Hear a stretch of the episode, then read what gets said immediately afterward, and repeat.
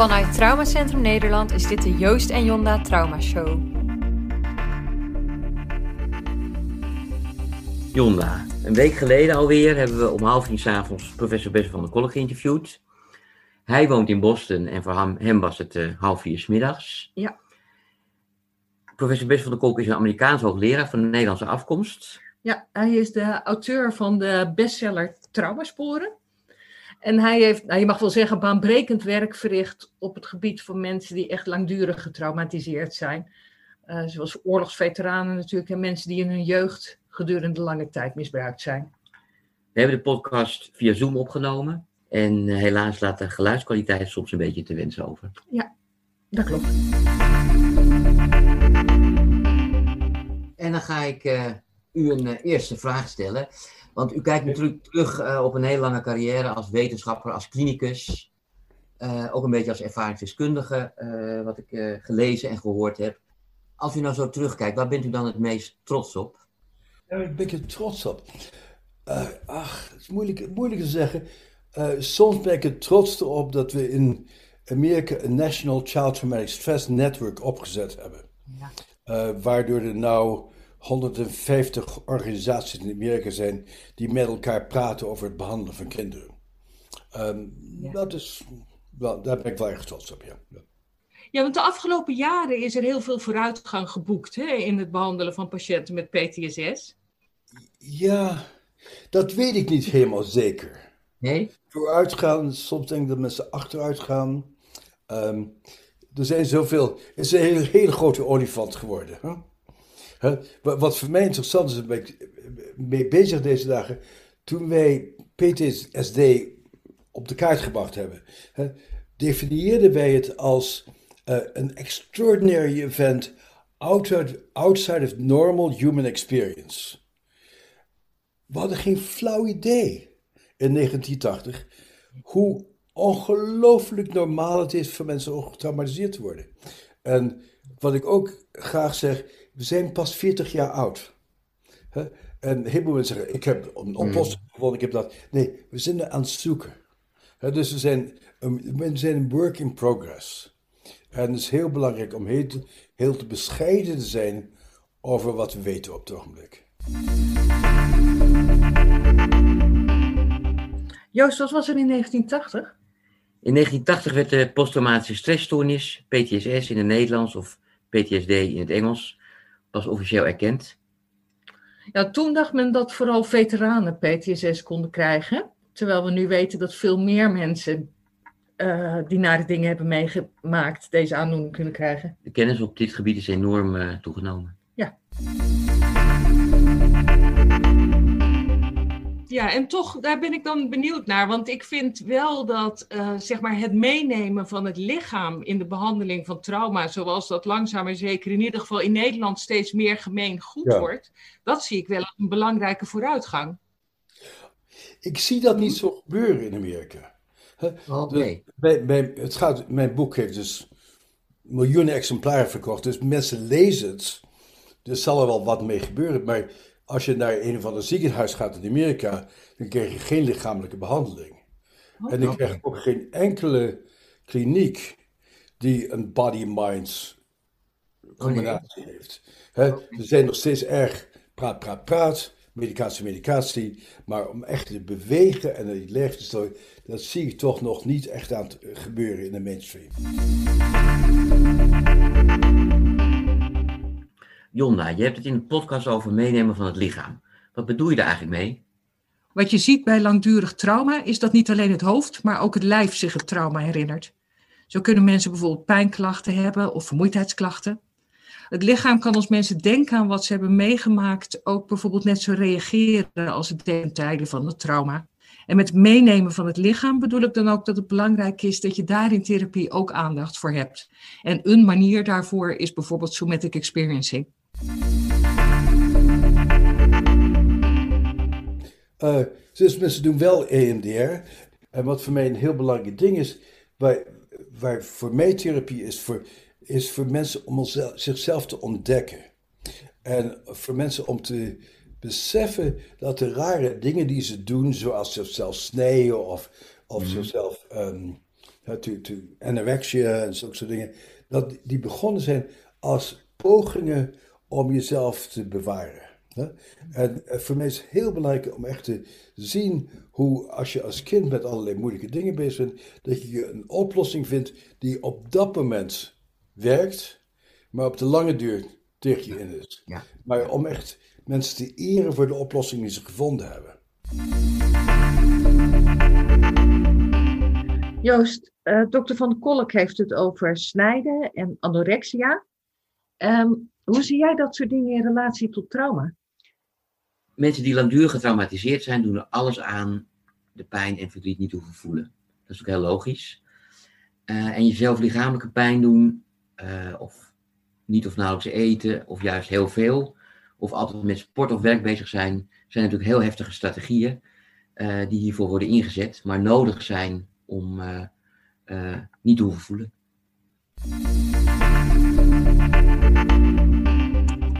Want wat er allemaal binnenin je zit, is zo moeilijk als je getraumatiseerd bent.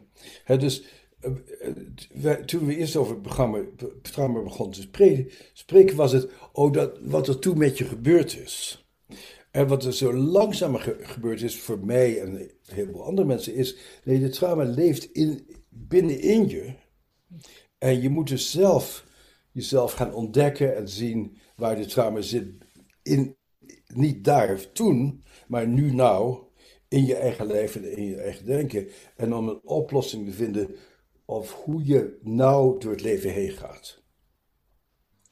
Maar, maar zegt u dan ook, want u noemt ook uh, duidelijk hè, uh, pillen uh, als behandeling. Hebt u het idee dat mensen te veel gemedicaliseerd worden met, met medicatie, ja, waardoor ze misschien ook juist wel afgestomd raken? Wel, ik, ik ben begonnen als psychofarmacoloog. En uh, op een gegeven moment dacht de psychiatrie uh, chemici, uh, chemicaliën gevonden te hebben die dingen zouden oplossen. En waren verschrikkelijk optimistisch, 40 jaar geleden. En op lange duur geloof ik dat die medicaties meer schade gedaan hebben dan goed gedaan hebben. Mm -hmm. En het is niet alleen maar dat of dat. Dus in het centrum waar wij werken, het uh, Traumacentrum Nederland, wordt uh, zeg maar de, de um, psychotherapeutische behandeling, die dan voornamelijk bestaat uit EMDR en exposure, gecombineerd met beeldende therapie, psychomotorentherapie en uh, somatic experiencing.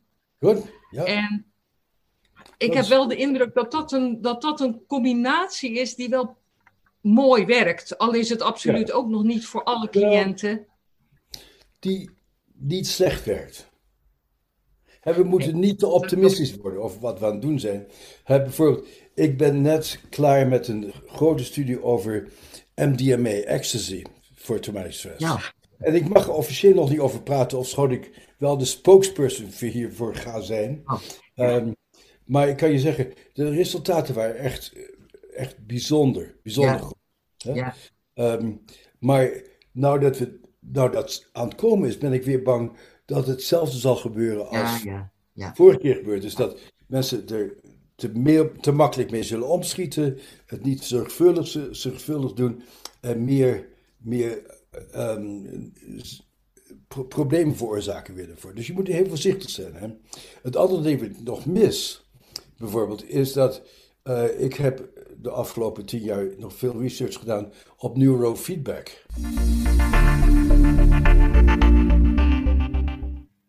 Jonna, in de podcast wordt neurofeedback genoemd. Eh, wat is dat eigenlijk? Nou, bij neurofeedback worden er eh, zeg maar van die draadjes op je hoofd geplakt. En daardoor kan hersenactiviteit zichtbaar gemaakt worden, bijvoorbeeld op een beeldscherm. En met oefeningen kan je leren om invloed uit te oefenen op die elektrische activiteit van je hersenen. En dan is de bedoeling om de elektrische golven die verband houden met de klachten te onderdrukken. En juist de golven die de klachten verminderen te versterken. En bij PTSS betekent dat dat je leert om de alfagolven die verband houden met ontspanning, om die te versterken. Nou, duidelijk. Wat ik zelf ook wel een beetje anders vind dan, dan medicatie, is dat, dat psychotherapie en eh NWMA-behandeling geïntegreerd eh, worden aangeboden. Hè? Dus dat het elkaar versterkt. of de MDMA versterkt de psychotherapie, hè? zo zou je het kunnen zeggen. Ja, precies. Uh, Dus- dat vind ik wel een heel mooie stap. Ja. Ja. We doen MDMA Assisted Psychotherapy. Precies. Dat is heel belangrijk.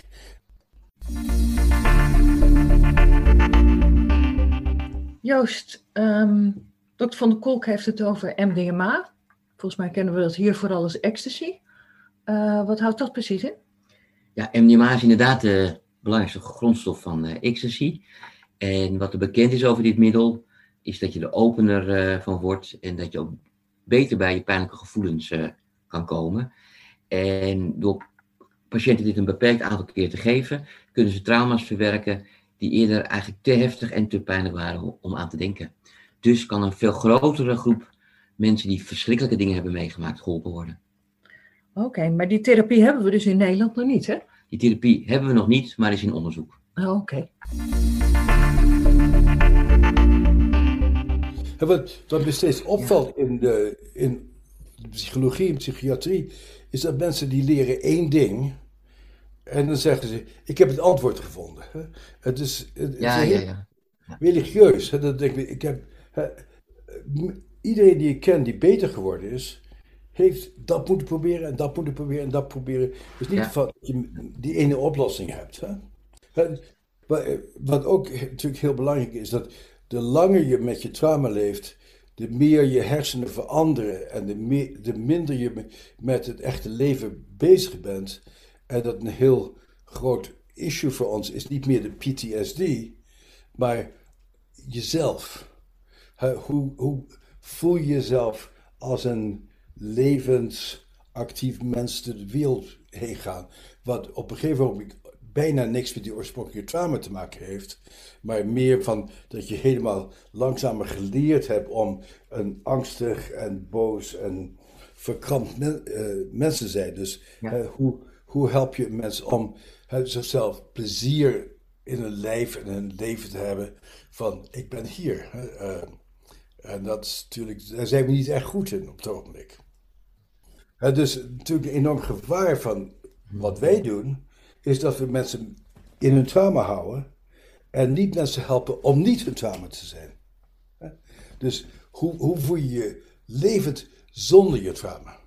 Maar om steeds maar naar die trauma terug te gaan, is een, is een, echte mistake.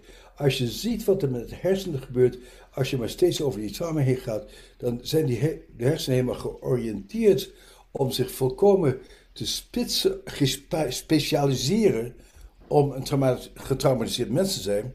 En je weet niks meer vanaf om gewoon door de straat heen te lopen.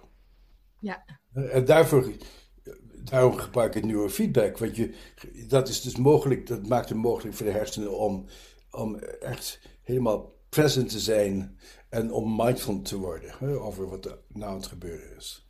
Ja. U hebt vast nog heel lang te gaan, maar u denkt misschien ook ondertussen na van, eh, ja, wie volgt mij op of wie kan mij opvolgen in mijn gedachtegoed?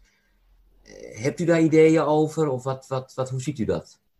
Nou, ik had dus een centrum waar ik dus voortdurend elk jaar nieuwe studenten. En ik had een hele goede.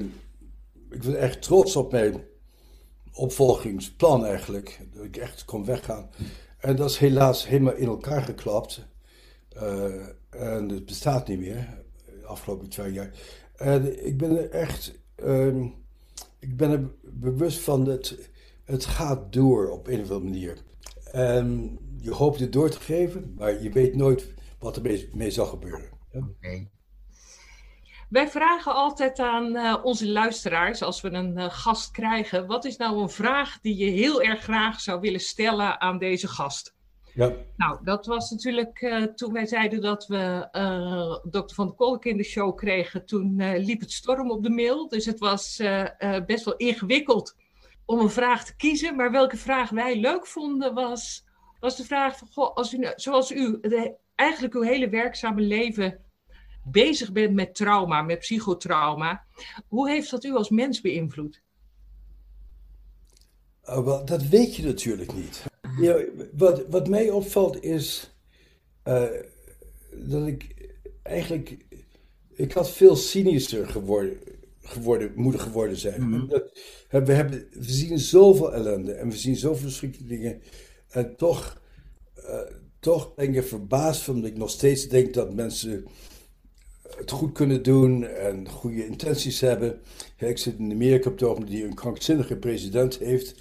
En ik zou moeten zeggen, man, je kan mensen niet vertrouwen. Mensen, en toch heb ik nog diep, diep van binnen, denk ik nog steeds dat mensen eh, goede intenties hebben en het goed willen doen.